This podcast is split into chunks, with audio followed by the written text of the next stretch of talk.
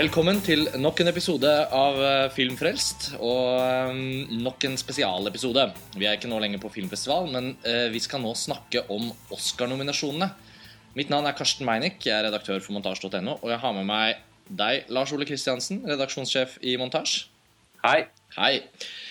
Dette er en spesialepisode rett og slett fordi vi kun skal snakke om hvem vi tror kommer til å vinne Oscar.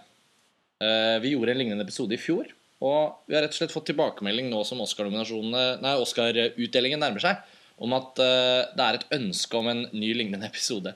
Og det er jo også for vår egen del, tenker jeg, alltid gøy å, å diskutere hvem det er man tror eh, vinner. Uh, man må bare si først som sist at for oss er jo Oscar-utdelingen noe som er gøy. Man tar det ikke altfor alvorlig, kanskje, men det er ganske morsomt når det først kommer. Uh, og noen syns jo Oscar-utdelingen er helt meningsløs. Så hvis man syns Oscar-utdelingen er meningsløs, så er det fullt forståelig. Og da er kanskje ikke dette den morsomste Filmfrelst-episoden å høre på. Nei. men utover det Sannsynligvis ikke. Nei. Men dette er jo litt sånn som en eh, slags eh, Det er litt sånn en renselse, bare, å, å komme seg gjennom dette. De skal jo se vi skal jo se utdelingen sammen med mange av leserne våre, vil jeg tro, på og, og lytterne våre på Gimle kino natt Mm. til mandag.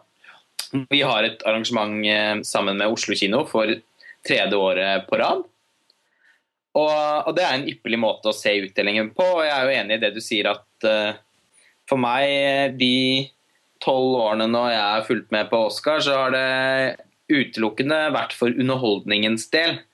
Uh, jeg anser ikke filmprisen som spesielt viktig i seg selv. Jeg syns det er langt mer prestisjefylt å få Gullpalmen i Cannes enn, enn å få Oscar for beste film. Ja.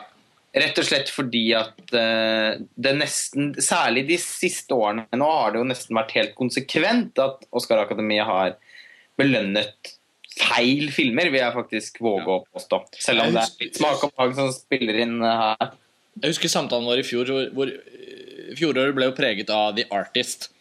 Og da var eh, Sånn som det er nå med Oscar-året, så er det jo i, i løpet av Ja, fra desember til februar, da, så er det så mye omtale og ryktegreier og hvilke filmer ligger best an og bla, bla, bla. Det blir jo som en sånn evigvarende ski-VM, liksom, hvor du aldri kommer i mål. Og det er jo ganske utmattende. Og i fjor så er det jo I fjor var det sånn deprimerende år fordi The Artist var egentlig allerede avklart som vinner. Det var nesten ikke noe gøy å gjette engang.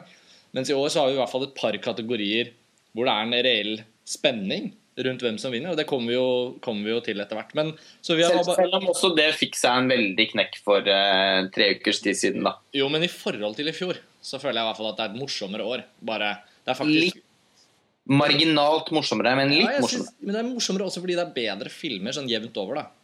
Det er det. Det er et uh, en sterkt sånn døll kategori som jeg En kategori jeg syns er ganske døll, da, kostymekategori eller liksom sånn. Altså sånn. Det er noen sånne kategorier. Der er det også litt sånne morsomme filmer som er med i konkurransen og sånn. Så Men men samtidig, i fjor var det jo Tree of Life og Midnight in Paris og Hugo. Jeg vet ikke, Er det egentlig noe sterkere i år i år? Nå ble jeg veldig usikker. ja, ok, kan ikke vi se om vi finner ut av det i løpet av uh, Av våre Ja. Hvis vi går gjennom alle kategoriene sånn som vi Jeg ble planlagt. eh, veldig bakfull på det utsagnet. Ja, ok. Men la oss se når vi er ferdig med å snakke oss gjennom alle kategoriene. da Så kan vi se på det en gang til. Jeg har magefølelsen min.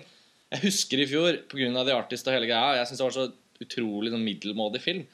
Jeg følte hele året ja, ble jo jeg Jeg. Jeg husker jeg ble jo, men jeg husker jeg ble Ja. glad da den nominerte kom, og The Tree of Life hadde faktisk både nominasjon til beste regi og beste film. Um, og, og det var ting å glede seg over der, men det var noe med det at det var så overskyggende at The Artist uh, bare på en måte kom til å ta alle de prisene uansett. Det var jo veldig samme situasjon som med Kongens tale året før der igjen. Ja. Og, eh, og de- ble jo rammet av veldig samme skjebne. Både The Artist og Kongens tale vant jo fire Oscar hver, selv om de var nominert til veldig mange flere. Ja. Eh, så Inception jo ble jo den positive overraskelsen på Kongens taleåret. Fordi den tok mange av de tekniske, såkalt tekniske prisene.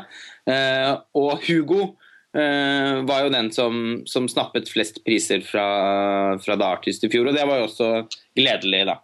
Men, eh, men jeg, jeg må jo innrømme at jeg jo mindre, har vært mindre engasjert i Oscar i år enn det jeg har vært egentlig noensinne tidligere, fordi at nå har det liksom blitt litt for mange skuffelser. Og når jeg når Argo steg fram som sånn nesten avgjort storfavoritt eh, til å vinne beste film for en tre uker, måneder, eh, tre uker siden eller noe, så, så merket jeg virkelig at piffen gikk helt ut av meg. da. Så ikke, jeg syns ikke det er like gøy som det var. Fordi de gjør så veldig, veldig merkelige valg. De siste årene vil jeg nesten si at det er helt vil nesten våge å påstå at det er litt objektivt. At, eh, at ettertiden har jo Den lille ettertiden som har vært etterpå, kan jo allerede bekrefte at valgene har vært helt på trynet.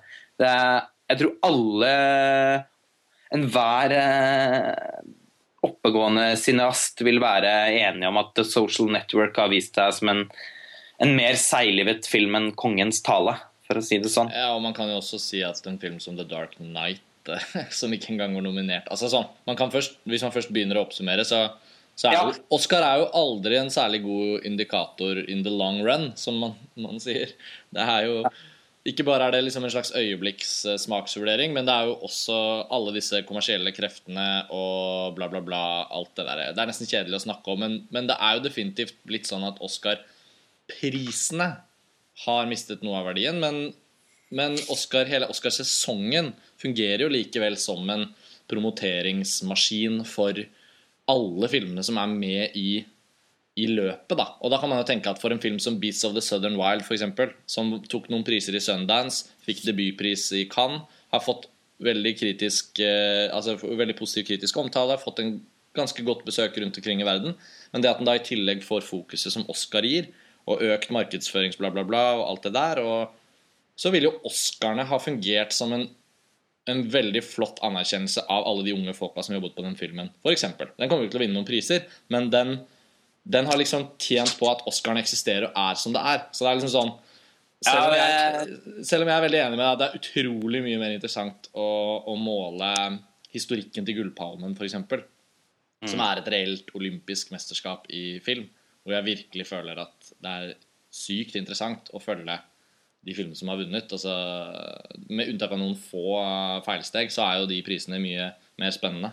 Hvis man skulle fortalt noen at de skal lære seg se noe viktig film, og typisk type sånn sagt se alle filmene som har vunnet Gullpalmen, eller alle filmene som har vunnet beste film til Oscar, så Ja. blir man jo sittende med igjen med en følelse at Gullpalmen kanskje er en hakket mer verdifull pris Og, og, og kanskje nettopp jeg er ofte Jeg er alltid kritisk til jurysammensetninger her hjemme i Norge, fordi det alltid blir så forferdelig corny resultater. Amanda er jo selvfølgelig skrekkeksempelet på det. uh, men men også, jeg tror også Oscar rett og slett lider litt av demokratiets pris. Eh, eh, det, det, er, det er jo Selvfølgelig, tanken er jo er veldig fin. At, at det er faktisk er bransjen som stemmer på seg selv. Mm. Eh, og, på, og på kollegaene sine. Og, og det kan jo på en måte ikke bli mer rettferdig. Så, så sånn sett så støtter jeg veldig den måten å, å gi ut Og liksom Å å stemme på den, den type priser, da. Ja. Eh, Men det ender ofte med at valgene føles Eller det blir sånn På en måte blir det veldig uforutsigbart. Fordi folk på, stort sett stemmer jo bare på hva de liker. Ikke Ja. hva de mener at kanskje burde vinne, men hva de bare føler. Mm. Og, eh, og samtidig så ender jo da ofte Oscar med å bli en veldig sånn median, da. Det blir sånn middels filmer som vinner. Fordi det er filmer som alle liker litt. Det som er spennende med Cannes, hvor det er en ny jury hvert år, er at hver eneste jury ønsker å liksom eh, Det er deres mulighet til å sette et eller annet avtrykk, da. Ja, ja. og jeg tror, den, jeg tror de blir hy mye mer hyperbevisste når de ser filmene i Cannes og tenker at det er viktig på den måten som du beskriver nå, i større grad enn Oscar. Altså, nå er det vanske, alltid vanskelig å sitte i Norge og mene noe om Det det, er jo flere tusen som stemmer, ikke sant? Ja, men også alt man- føler seg ubetydelig. ja, men også alt man har lest om hvem Oscar-akademiets medlemmer er, og bla, bla, bla. bla, bla. Og nå, nå senest for noen dager siden så kom det jo en sak i The Hollywood Reporter hvor en, eh, en regissør som er medlem av Oscar-akademiet, hadde anonymt da, gitt sine korte kommentarer til hvordan han hadde stemt i år. Og da, da tenker man jo liksom om de sitter på balkongen sin i Beverly Hills og ser over det stemmeskjemaet og liksom Hva var det han sa? Altså, Haneke is such a, such a bastard og liksom Altså når det kokes ned til det, så er det jo klart at det nesten blir litt patetisk at eh, folk rundt omkring i verden tar Oscar så sykt på alvor. Når Ja, den, eh, de som sitter og stemmer, på en måte tar seg en flaske vin og bare slenger ut noe greier. Og da er det jo ikke så rart at eh, Operasjon Argo ender opp med å være en favoritt. da. Eh, Vi husker vi snakket om det i Berlin. Det er jo faktisk en film som handler om at Hollywood løser en diplomatisk krise i Idian, liksom. Altså sånn, det er jo egentlig to gamlinger i Hollywood som basically er eh, eksakt det som er medlemmer av Oscar-akademiet. To gamlinger som er ferdig med filmkarrieren sin, som bidrar til å, å løse en sånn eh, dypt alvorlig politisk krise på andre siden av jorden. Altså Det er noe med at, at den seiler som frem som favoritt, viser jo nesten i sin essens hvor patetisk eh, Oscar-stemmingens natur er. da Og The Artist i fjor var jo litt av den samme greia, liksom. Så eh, man må på en måte ende opp med å ta et lite steg tilbake og bare Ja, ja. Så får det være som det er. Og da er det jo bare å glede seg, syns jeg, over da de delene av Oscar-utdelingen som virkelig kan ha en slags innvirkning. da Akkurat som da, liksom, da, da, da Inception fikk prisen for beste foto, f.eks. ja. Da følte jeg en sånn der rettmessighet som bare klang gjennom. Det var sånn, åh, det var utrolig kult at, at Valley Fister fikk prisen for den filmen. Det kommer til å stå seg så sykt bra. Ja, og, sam, Eh. og samme måte som liksom uh, syns jeg også The Girl with the Dragon Tattoo vant prisen for beste klipp. Ja, ja, absolutt. At Kirk Baxter og Angus Wall vant den prisen to år på rad. Ja, det, blir, det kommer til å bli stående. Ja, fordi det var jo Ok, det var jo eh, de, de færreste vil sikkert være enige om at det var den beste filmen. Eh, Det var i hvert fall den minst Oscar-vennlige filmen av de nominerte. Den hadde ikke noe særlig andre nominasjoner.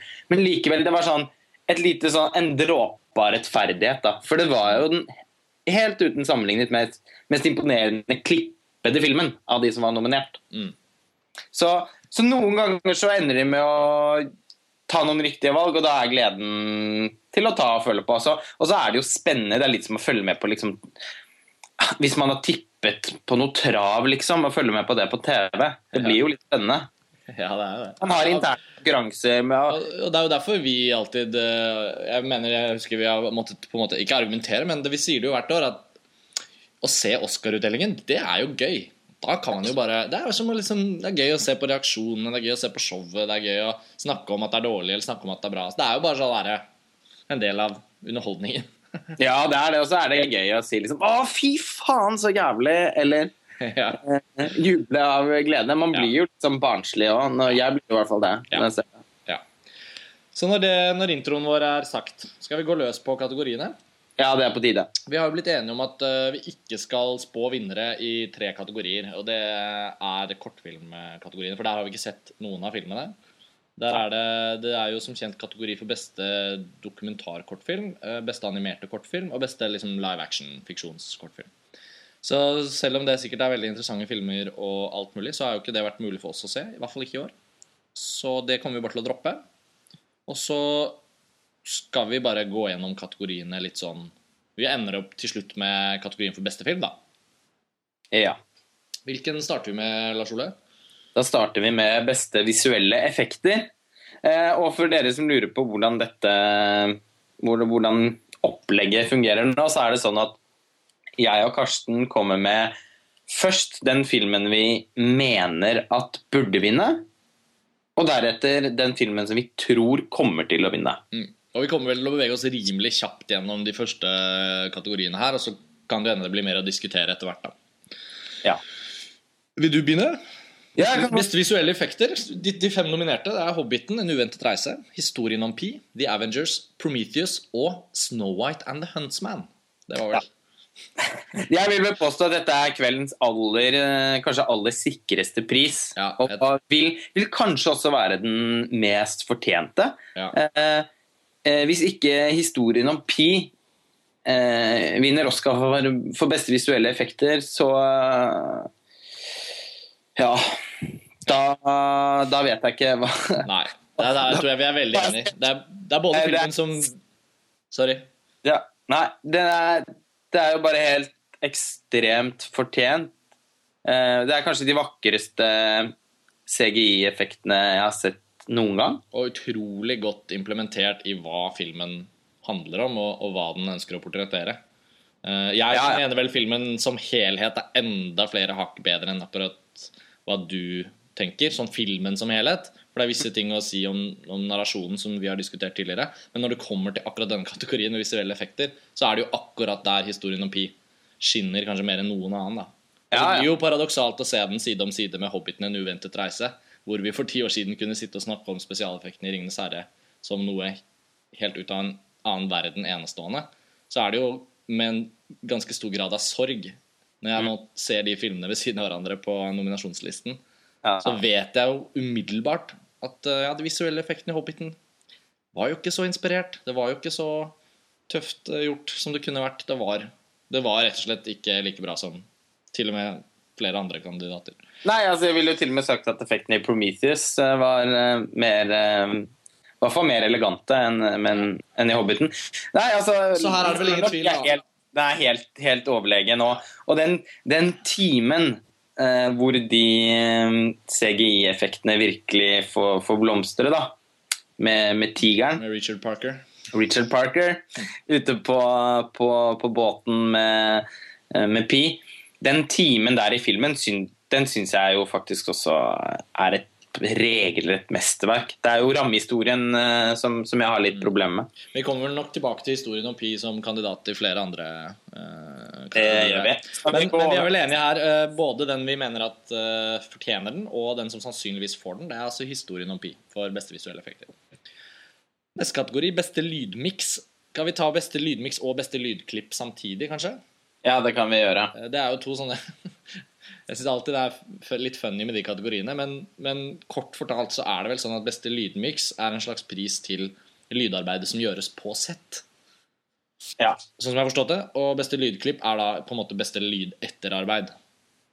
ja. Ja. Det er sånn jeg har forstått det også. Eh, skal vi gå litt kjapt på denne? Her er ikke jeg så veldig engasjert, men jeg har liksom mine korte tanker. Ja. Beste lydmiks eh, De som er nominert der, er Argo, Le Miserable, Historien om Pi, Lincoln og Skyfall. Ja. Eh, sånn som jeg eh, har skjønt det, så er jo Le Miserable en favoritt i denne kategorien fordi at Tom Hooper har jo snakket veldig, veldig mye om eh, om dette dristige kunstneriske valget det var med å la skuespillerne synge live på sett.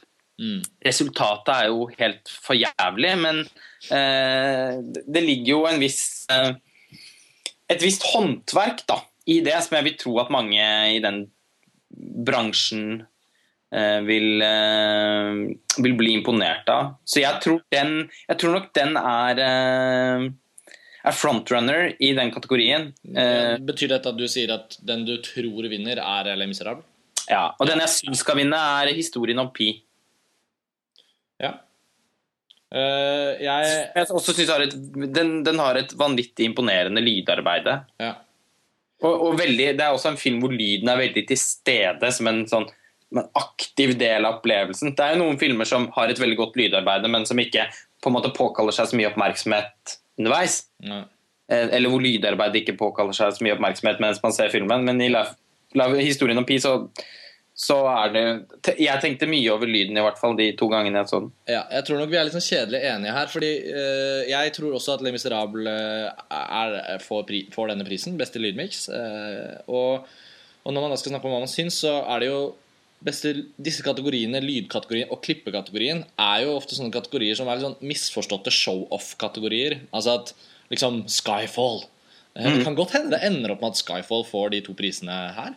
Men liksom den hamrende lyden i Bond-filmene liksom, aldri en stillhet. Altså, for meg er det jeg, jeg vil liksom ikke gå bort fra det at jeg syns lyd handler vel så mye om å klare å skape et, en, et lydunivers som tør både å ha stillheter og effekter og liksom ting om hverandre. Så at uh, Jeg tror også Le Miserable får den Jeg har ikke sett den filmen, men jeg tror eh, den får det basert på at jeg skjønner at den er favoritt. Men min favoritt er også historien om Pi. Uh, og og så når vi kommer til beste lydklipp, da kan jeg begynne med den. Der Ja. tror jeg kanskje Skyfall kommer til å få prisen. Det er mest sannsynlig, tror jeg, fordi den er litt showy. Og, og det er nesten alltid den typen filmer som får den prisen. Den jeg syns burde, burde vinne det er, Jeg, liksom, jeg syns det hadde vært ganske kult om Django Unchained uh, vant den prisen. Jeg syns på en måte Jeg vet ikke. Jeg syns liksom Den filmen har mange svakheter, som vi har diskutert tidligere, men, men det er noe med at hele lyden og rytmen og den musikalske feelingen av en Tarantino-film sitter alltid igjen. da Og det handler jo både om Her er det jo ganske mye bruk av lydeffekter som kombineres med musikk. Den er ikke like bra gjennomført som Kill Bill-filmene, selvfølgelig, men den ligger tett opp mot det uttrykket. da så min personlige favoritt der ville liksom vært Django Unchained, men jeg tror Skyfall tar den. Ja, Skal du nevne de nominerte? Ja, Unnskyld. Det var uh, Argo, Django Unchained, Historien om Pi, Skyfall og Zero Dark 30. Det vil si, Le Miserable er da ikke nominert i beste lydklippkategorien. Nei. Uh, jeg er vel uh, relativt enig med deg. jeg tror også at Skyfall vinner den prisen. Ikke fordi at det er det mest sofistikerte lydarbeidet. Jeg har bare sett den én gang og var ikke veldig på alerten med ørene. så, så, så, det kan godt hende det er mer eh, komplekst enn det jeg husker det som. Men, eh, eh, men jeg, jeg, tror den vinner bare fordi det er Skyfall. Det er en Bond-film som er nominert til flere Oscar-priser. Det er veldig sjeldent. Mm. Den har en så massiv suksess. Så jeg føler at, eh, at, at, det nok blir en av kategoriene hvor de føler at uh, de kan gi den filmen noe. Så er det mye lyd der, og det ender jo også ofte med at de som vinner priser i, i lydkategoriene, er, er, de mest lyd, lydhøre filmene. Ikke lydhøre, men uh, lyd... Uh, ja. ja. In your face, in your ear. In your ear. ja. Men min personlige favoritt her er litt sånn mellom barken og veden, egentlig. Jeg tror nok Lydarbeidet i Tarantino sine filmer er alltid fryktelig bra. Så jeg syns jo det er et uh, Det hadde vært kjempekult det, hvis Django vant den prisen. Uh, jeg syns nok fortsatt uh, lydklippen i historien om Pi er mer imponerende. Jeg syns jo måten de har liksom klart å få denne altså tigerstemmen da, til Richard Parker ja den er imponerende. Ja. Og liksom fornemmelsen av sjø og, og, og fisk, flyvefisken altså, Veldig Jeg vet ikke Den blir på en måte en favoritt der òg. Samtidig syns jeg lyden i den siste halvtimen av Zero Dark 30 Ja, jeg skulle å si det, for den har ikke jeg fått sett ennå. Så jeg, jeg, tror jeg håper. Helt insane, da! Ja, og Jeg skal jo sannsynligvis se den i kveld, så da, da kan det hende jeg ombestemmer meg til i morgen. Ja, og det er sånn, De to første timene på kontoret, der er på en måte ikke lyden like uh, Der er det mest sånn Å, en kopimaskin. Men uh, ja, Med masse modi... Ja, ja, ja, det er lov å være litt morsom på den filmens bekostning.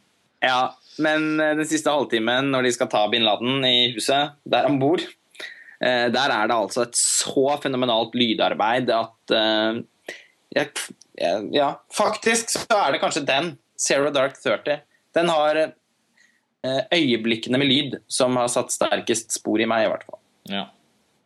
Men jeg tror også Skyfall. Ja. Da, da skal vi gå videre. Er det ikke det? Hvilken kategori? Beste sang. Beste sang, ja. Den Her foreslår jeg at vi ikke bruker så mye tid. Ja. ja. Jeg syns eh, den sangen fra historien om Pi er helt nydelig. Uh, jeg tror likevel at den sangen, uh, altså Adeles Bond-låt, 'Skyfall', jeg tror den kommer til å vinne. For det er liksom en Det er akkurat som at Eminem vant for uh, 8 Mile. Det er liksom Det er, det er jo en sykt bra sang, uavhengig av kategori. Jeg syns den er veldig fin. Jeg hører den når jeg hører den, og jeg tenker sånn Den er en fin Bond-låt. Men Pies Lullaby da, fra historien om Pi, den har jeg hørt mye mer på.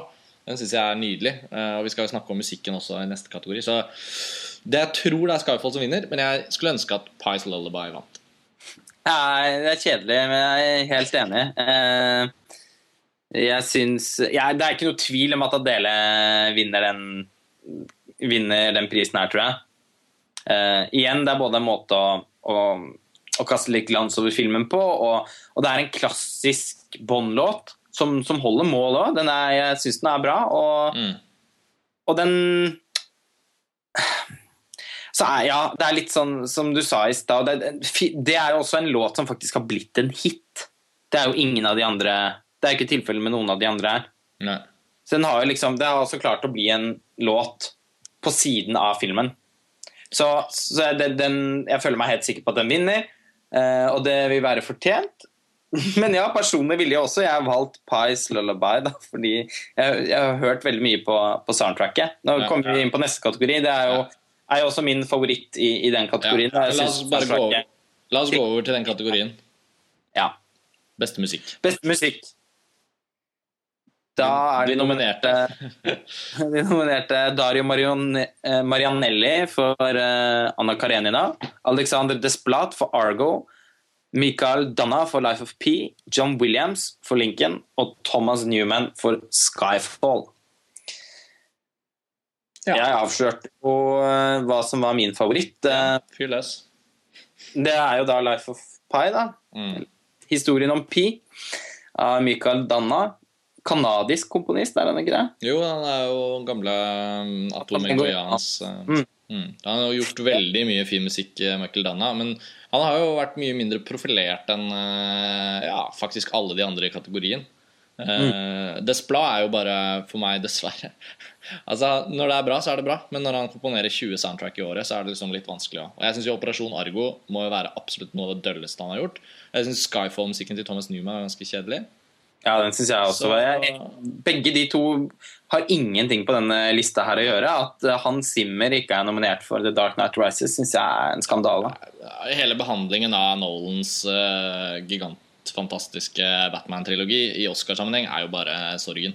Så Det det, kan vi ikke ta nå. Men jeg, jeg tror også historien om Pi uh, Jeg tror den vinner, og jeg håper den vinner. Uh, ja, jeg kan ikke fatte hvem annen Altså, Nå vant jo Thomas Newman en BAFTA for Skyfall, men det tror jeg bare fordi det er BAFTA. Ja, de er mye mer hypp på å gi pris til Bond-filmene i den britiske filmbransjen. Ja, ikke sant? Der var Casino Royal til og med var jo nominert til beste film der i sin tid. Ja, men ja, altså, Hvis Skyfall vinner, så er det ikke en stor overraskelse. Men, eh, men eh, det er mye, mye riktigere å, å gi en Oscar til eh, musikken i historien om Pi. Rett og Ja, altså pluss at jeg synes, jeg synes det, eh, Her kommer vi til å komme tilbake på Skyfall igjen siden, for det, dette melder seg også i en annen kategori. Men jeg syns alltid det er veldig trist når, når folk som har fått veldig mange Oscar-nominasjoner, og uten å vinne, til slutt vinner for, for noe av det døllere de har gjort. da. Ja. Og Thomas Newman er jo veldig overdue. Jeg trodde, jeg, nå, nå ble jeg overrasket, for jeg var helt sikker Han må jo ha fått en Oscar, tenkte jeg. Men Nei, nei. eh, som du sier, elleve ganger er han nominert. Elleve ganger! da. Det er flere ganger enn Roger Deakins. Det. Så da er det egentlig han som er den store historien i år. sånn sett.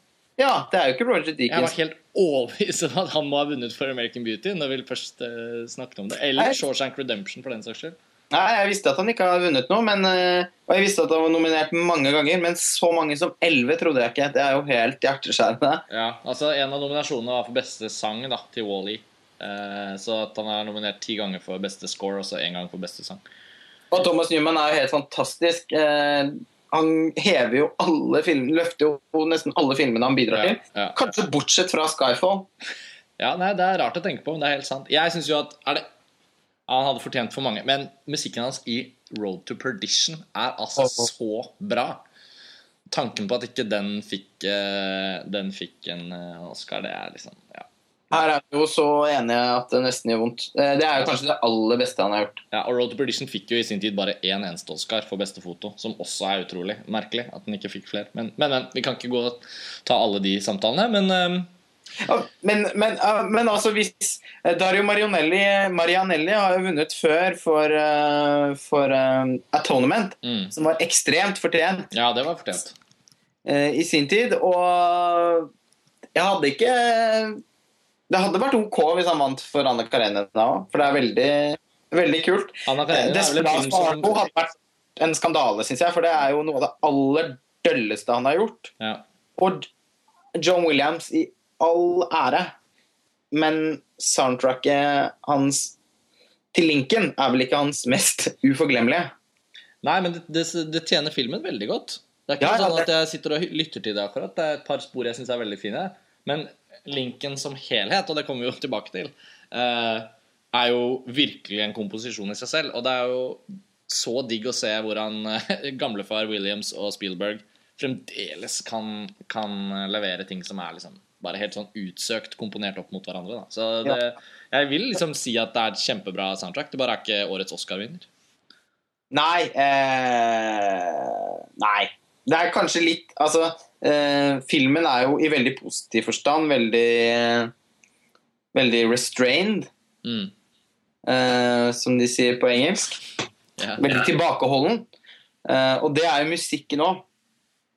Eh, og det gjør vel at musikken nok fungerer bedre i filmen enn enn som en lytteopplevelse utenfor filmen. Da. Nå er jo ikke nødvendigvis det som skal være den viktigste faktoren. Men, men i alle tilfeller så føler jeg det hadde vært veldig off hvis eh, John Williams vant denne prisen. Eh, Michael Danna tror og håper. Enig. Neste kategori er den jeg føler vi absolutt kan bruke kortest tid på. Kategorien for beste sminke. Åh, jeg syns det er så døll kategori. Nesten alltid. Men uh, de, tre, de tre filmene som er nominert, det er altså Hitchcock. Denne merkelige biofilmen uh, som kommer på norske kinoer om noen uker. Hobbiten, En uventet reise. Og Le Miserable. Ja. Ja, jeg tror jo da at den mest sannsynlige vinneren er Le Miserable. Fordi det er, en, det er en film som er nominert også til beste film. Og alt tilsier at den får den. Eh, og jeg har ikke engang en favoritt i den kategorien. Jeg, jeg har bare sett Hobbiten. Og jeg syns jo Hvis de hadde fortsatt med sånn uh, Uh, I mye større grad da at orkene og alle de vesenene var sminke, så hadde jeg kunnet skryte av det. Men jeg syns den introduksjonen av sånne CGI-ansikter, den, den var ikke den var ikke så kul som den kunne ha vært. Så jeg har ikke noen favoritt i den kategorien. Men jeg tror Le Miserable vinner. Nei, Jeg har heller ingen favoritt i den kategorien. Eh, eh, Jeg syns jo også at eh, sminken Altså liksom på en måte sminkedesignet på en del av de hobbitene i Hobbiten var ganske elendig. Ja. Så jeg, jeg vil jo jeg synes jo Hvis den vinner, så syns jeg faktisk det er ufortjent. Ja. Uh, uff, så fælt å sitte og snakke sånn om ja, det er forferdelig deprimerende. Alt jeg håper på nå, er at neste film i Hobbiten-trilogien blir litt sånn eksplosivt bra, og at vi bare kan elske den igjen. Ja, det vi får få våre hender. Uh, nei, altså, jeg tror også Le Miserable tar det nettopp, eh, som du sier, fordi den også er nominert til beste film. Ja. Og sminkearbeidet i den filmen er også veldig respektabelt. ja. Bra. Nei, skal vi hoppe til neste kategori? Det er en mye kulere kategori. Ja. Beste klipp. Sier klippen. Kategori for beste klipp er jo også i Oscar-historien en veldig viktig kategori. Den pleier å være en sentral indikator for hvordan det går med beste film. I fjor var det jo ikke sånn. Da, da gikk jo prisen til uh, Girl with the Dragon Tattoo, og så var det The Artist da, som vant for beste film. Eh, De nominerte i år er jo da Operasjon Argo, William Goldenberg, Historien om Pete, Tim Squires, eh, Lincoln, Michael Kahn, eh, Silver Linings Playbook, som er klippet av Jay Cassidy og Crispin Struthers, og Zero Dark Thirty, som er klippet av Dylan Tickner og William Goldenberg. Da føler jeg at det er gøy å si om denne kategorien i år at godeste William Goldenberg, som er nominert for to filmer, klipperen av Heat blant annet, og The Insider, er jo en fyr som, som har på alle mulige måter gjort seg fortjent eh, til heder og ære, og som vel er en av de sikreste kortene i år, eh, etter mitt syn, til å få en Oscar. Ja. Eh, hvem, hvem jeg liksom vil at skal vinne Det er litt sånn dølt, men jeg syns altså klippingen i Lincoln er så bra.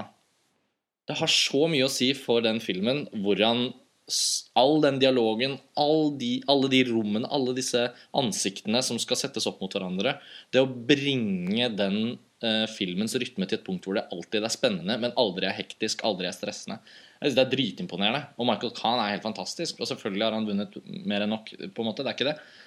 Men jeg, jeg syns det er den beste i kategorien. Jeg har ikke sett Zero Dark Thirty, det, som sagt, så det kan jeg ikke uttale meg om. Men den, min favoritt i kategorien er Lincoln. Og så tror altså- jeg Ja.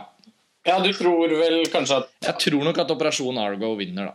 Ja, jeg tror også at Argo Nesten Fordi den også har en tredjeakt som er drevet av klippingen i så innmari stor grad. Det har jo, vi er begge enige om at Operasjon Argo er en ganske ordinær film.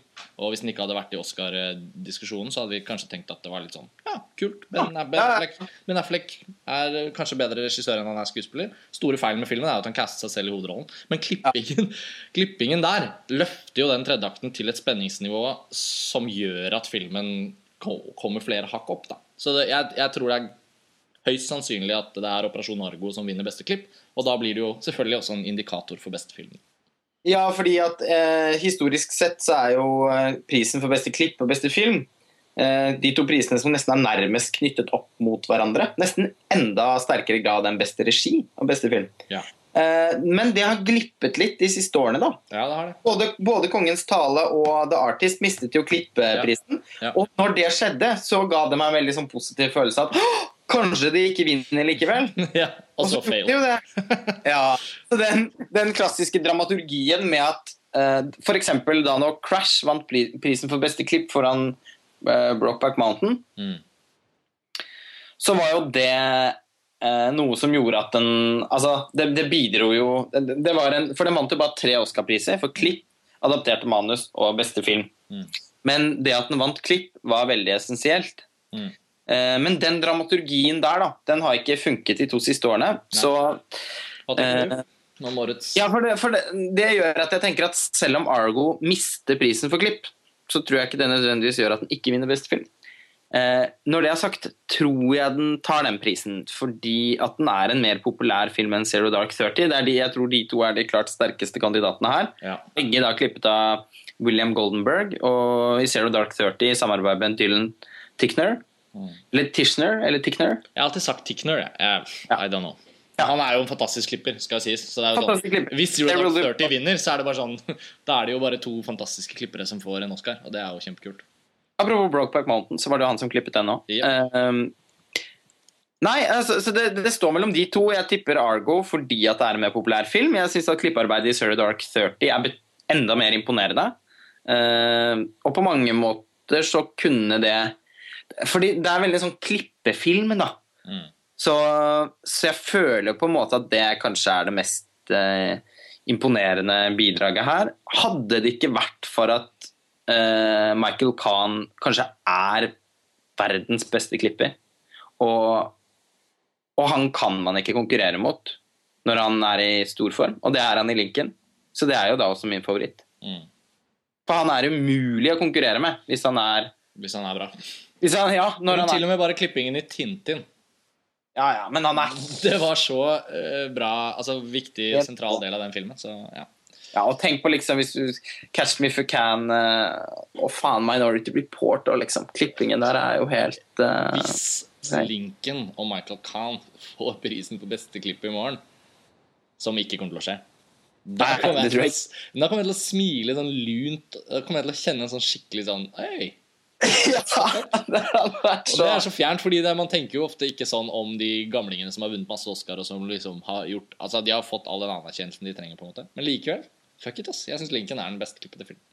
Så, sånn, Helt sånn, sånn er det. Um, neste Beste kostymedesign, Beste kostymedesign, ja. Hva er de nominerte? Anna Karenina, Le Miserable, Lincoln, Mirror Mirror og Snow White and the Huntsman. Fascinerende. Altså, begge disse Begge disse Snøhvit-filmene De har beste kostymedesign. Ja. Jeg syns også dette er en kjedelig kategori. Sorry, så jeg kan snakke først, og så kan du snakke lengre hvis du engasjerer deg veldig. Ja. Jeg, tror, jeg tror Anna Karenina vinner. Fordi den er eh, Jeg har jo som sagt nesten sett filmen. Eh, Jeg tror jeg har sagt det på en tidligere episode, men jeg hadde jo veldig uflaks. Jeg så den i New York på, på um, jetlag og sovnet etter Ja, jeg husker ikke helt når, men jeg våknet i hvert fall på rulleteksten. Så jeg har ikke sett filmen, men jeg har sett noe av den. Eh, Og jeg har også forstått det sånn at Anna Karenina er den store favoritten. Og jeg syns det hadde vært kjempekult om den vant. Eh, Jeg har ikke noen favoritt selv. Personlig favoritt. Nei. Nei eh, jeg eh, så, så engasjert er ikke jeg heller. Eh, selv om jeg liker bra kostymedesign. Jeg syns kanskje kategorien er litt eh, kjedelig i år. Ja, ikke sant? Altså, jeg, det, er ikke det, at jeg ikke, det er bare det at jeg føler i Oscarsammenheng og som kategori, så, så føler jeg jo ikke at det handler om en interessant uh, uh, nominasjonstankegang rundt hva kostymer kan være. Altså, sånn, det er aldri, nesten aldri kontemporære kostymer som er Nei, ikke sant? Og det er som regel det som er kulest. Ja, selvfølgelig er det det. Og, og science fiction-kostymer. Jeg husker jeg var helt forstyrra når Det var ikke det at jeg egentlig forventet det, men det var sånn men, men det var likevel helt utrolig feil da at uh, Tron Legacy ikke ble nominert til Oscar for beste kostymer. Det husker jeg var en sånn jeg syns i år at det er en katastrofe at ikke Moonrise Kingdom er nominert i den kategorien. Og jeg syns også det er veldig blindt av dem å ikke nominere Silver Linings Playbook, for der er faktisk kostymebruken Ja. ganske interessant i forhold til hva filmen handler om, og hvordan den er løst. Så det er sånn, jeg syns bare den kategorien blir litt sånn dum. For det er bare sånn Mm. uh, Le Miserable og Mirror Mirror og Snow White and sånn. Huntsman. Fuck det, tenker jeg. Så det var min kommentar til det.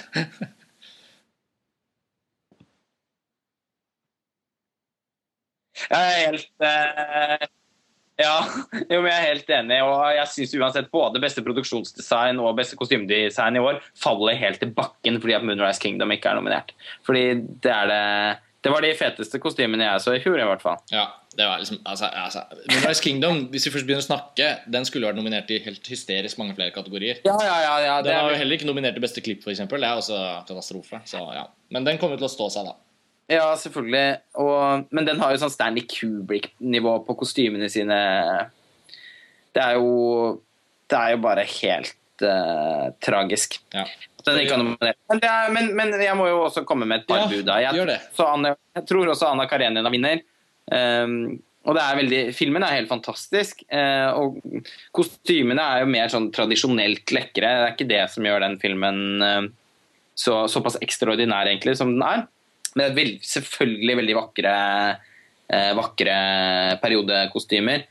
Um, men her tenker jeg at jeg skal jeg, jeg vil være litt På en måte syns jeg det hadde vært morsomt. Nå har ikke jeg sett uh, Tarsem Singh-filmen, da, Mirror Mirror. Men eh, eh, det er jo Eiko Ishioka som har designet kostymene til den. Ja, hun virker jo ganske kul. Ja, og, og døde jo i fjor. Hæ? Ja. Det fikk jeg ikke med meg. Jo, hun døde. Uff da. Så eh, det hadde jo vært litt flott om hun fikk den postumt. Ja, har jeg, liker, jeg liker alltid sånn postume Oscarer, hvis det er mulig. Ja, og hun har gjort så flotte ting for Tarsem Singh før, og for mange andre også. Hun har jo kostymene i, i, Mishima av Paul Schrader, og også produksjonsdesign i den filmen. Og det er helt fantastisk. Mm. Så hun er jo på en måte litt overdue, Mm. og dessverre død. Så Ja, det syns jeg Hun har vunnet uh, Oscar før, da.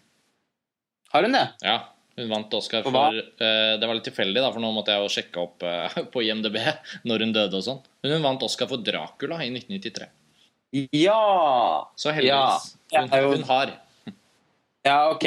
Men uansett så syns jeg det hadde vært hyggelig hvis hun hadde vunnet den. Mm. Eh, favoritten min eller, i kategorien tror jeg det er vel egentlig Snow White and the Huntsman. Den syns jeg hadde veldig tøffe kostymer. Hadde tøffe kostymer. Men jeg syns det var en jævlig ræva film. Så sorry, jeg klarer ikke å separere det fra hverandre.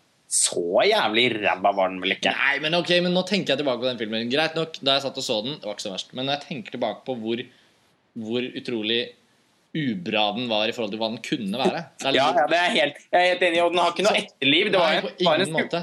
og det var en skuffelse fordi trailerne var veldig kule og sånn. Så, men eh, visuelt var filmen bra. Det var, jo, det var jo på en måte filmens styrke. Ja. På, på mange ja, måter. jo det skal den ha. Jeg er enig. Eh, kosti og kostymedesignet var ganske kult. Ja. Det var litt sånn nesten, Det var liksom noen, noen isletta noen sånne små anakronismer og sånn også inni det. Det, det syns jeg var et inspirert arbeid. Så kult at den er nominert. Eh, jeg heier på den, jeg. Ja. Etter at vi begynte å snakke om Moonrise Kingdom, så klarer jeg ikke å tenke på noe annet enn at det er helt sykt at ikke den er i kategorien. Så. Men neste kategori er jo veldig morsom kategori. Det er alltid en morsom kategori. Beste foto. Ja. Yes. Vil du gå gjennom de nominerte? ja. De nominerte er eh, Anna Karenina. Uh, er det Simon Shamus McGarvey? jeg ville sagt Shamus. Life of Pi? Shamus McGarvey. Seamus McGarvey. Uh, eh, Life of Pi, eller Historien om Pi, av Claudio Miranda. Uh, Django Unchained, Robert Richardson. Lincoln, Janus Kaminski. Og Skyfall, Roger Dickens. Yeah. Eh, Det er en, eh, dette er en liten head scratcher i år. det, det er det, fordi eh, det, det er to, eh, to favoritter. Og det er jo Historien om Pi og Skyfall. Og historien om Pi eh, Tendensen de siste årene er at eh, fotoprisen gjerne går til den generelt mest visuelt imponerende filmen. Som Avatar eller Hugo. Eh, det var jo tilfellet litt med Avatar òg. Altså, Filmen er jo avsindig flott visuelt, men, men det er jo ikke nødvendigvis selve foto. Eh, det er jo mer iscenesettelsen og effektene og eh, Mauro Fiore sitt foto i den filmen er jo egentlig ganske anonymt. Særlig da satt opp mot Christian Berger sitt eh, arbeidet i, Michael Hanekes 'De hvite båndene' det året. Mm. og for meg så havner 'Life of Pi' litt i den samme situasjonen i år. da. At jeg syns jo filmen er praktfull. Eh, men det skyldes hovedsakelig eh, de vakre spesialeffektene, bruken av 3D og, og igjen iscenesettelsen, som jeg føler at er veldig Ang Lees fortjeneste. Eh, Claudio Mirandas avtrykk i denne filmen klarer jeg ikke helt å se. Og, og de scenene som ikke foregår ute på havet, ser jo faktisk også ganske dølle ut. Eh, så, så jeg vil synes det er feil om den vinner. Uh, samtidig vil jeg synes det er enda mer feil om Roger Deakins vinner for Skyfall. Roger Deakins er jo nominert Er dette hans niende eller tiende nominasjon? Jeg tror det er det. Han, ja, og han vinner jo aldri fordi han aldri er best. Han er jo en kjempesolid fotograf som har gjort noen helt fantastiske arbeider. For Dette ble jo diskutert også litt av noen eh, montasjelesere på Twitter i går, var det vel. Og, og, og det er jo en interessant diskusjon med Dickens. I 2008 så var han altså nominert for beste foto i No Country for Old Men og The Assassination of Jesse James by The Coward Robert Ford. To ja. arbeider som er helt enestående bra, men som likevel ble overgått. Ja, fordi de dessverre ikke var helt best. Robert Elsmith sitt arbeid i Daredevil Blood er jo bedre enn enn noen altså, av de to. Det er jo på en måte en diskusjon. Jeg vil jo tenke at The Assassination of Jesse James er helt der oppe, men så er de filmene litt forskjellige. Og så er det noe med There Will Be Blood som er vanskelig Det var så utrolig uflaks at det var samme år. Det er, liksom bare, det er bare så jævlig uflaks. Ja, det er forferdelig uflaks. Fordi Jesse James ville jo vært en, eh, en ekstremt fortjent vinner. Jo, den filmen er jo Arbeidet til Dickens der er jo vanvittig imponerende. Men likevel, når man setter liksom denne bruken av av vidvinkellinser og litt sånn softfokus og, og dratte bilder og det som, som, ser jævlig stilig ut. da. Men setter du det opp mot den liksom, klassiske elegansen i There Will Be Blood, når den, olje, når det, når den oljebrønnen tar fyr, oljetårnet tar fyr om natta Og det skal vel også sies altså, at liksom det, dessverre, dessverre ikke på samme nivå. Integrasjonen i for filmfortelling mellom regi og foto i There Will Be Blood er akkurat på et hakk mer mesterlig som kombinasjon enn det uh, Andrew Dominic uh, og Deakins gjør i The Assassination of Disney. Så ja, nei, så Deakins er jo bare sånn derre Jeg håper jo at han ikke vinner i år, fordi jeg tenker at han vil sannsynligvis lage en film i fremtiden som han fortjener å vinne for. Det må man håpe og tro. Ja, det tenker Conrad, jeg. Se på Conrad Hall, da. Altså Rest in Peace. Da han gjorde Road to Perdition Han hadde vel allerede vunnet en Oscar, da, så det var ikke det. Men han hadde vunnet for American Beauty bare ja. et år før. Men når han lager sin siste film, og det er uh, Road to Perdition altså, Det er alltid mulig, liksom. Og, og, og Deakins, uh, som, uh, som, jobber med, med Cohn-brødrene og er såpass ettertraktet som han er, jeg tror, ja, jeg tror det, vil komme, det vil komme en tid for han også, holdt jeg på å si. Vi får se. Nå, nå, nå, har han jo tapt ti ganger, da. Så det er jo en sånn Eller ni, eller hva, hva det er. Så det hviler jo en slags forbannelse over han, men det er, for, er nettopp fordi at han, han, er, han, er, alltid veldig bra, men han er sjelden best. Ja. Uh, Coven-brødrene jobber jo nå med Bruno Del Bonel på den nye filmen sin. Ja, sikkert med hell. Ja, hvis, hvis, han, hvis Deakins har maks uflaks nå, så er det Del Bonel som vinner Oscar neste år da, for, for arbeidet på Inside Level in Days. Nei, men altså de, Og som sagt, da, arbeidet hans i ikke bare Jesse James og No Country for Old Men, men også Eh, Shawshank Redemption og, og, kanskje særlig The Village syns jeg er helt fantastisk. Ja, så han tvil om vår kjærlighet for uh... Roger Deakins, men, han har, også, men han, har, han har, en tendens til å kunne gå litt på autopilot. Særlig med koloritten sin, som dessverre rett og slett bare sånn smaksmessig ikke appeller, alltid appellerer veldig sterkt til meg. Den er veldig beige. Uh, og den beige den beigheten den kan jeg ofte synes er fryktelig kjedelig. Man kan si at Emanuel Beski alltid er litt sånn kjølig og, og blågrønnaktig, men det liker jeg mye mer. Så, uh, så, og, og, og, Skyfall er noe av det beigeste han har gjort. Ja, men du, hvis du, skal, hvis du skal summere opp alt dette til et tips for året Jeg synes det er jævlig vanskelig. Det er, det er enten Miranda eller Dickens. Men mange sa jo eh, det litt, eh, Mange sa jo også at Dickens var storfavoritt for True Grit.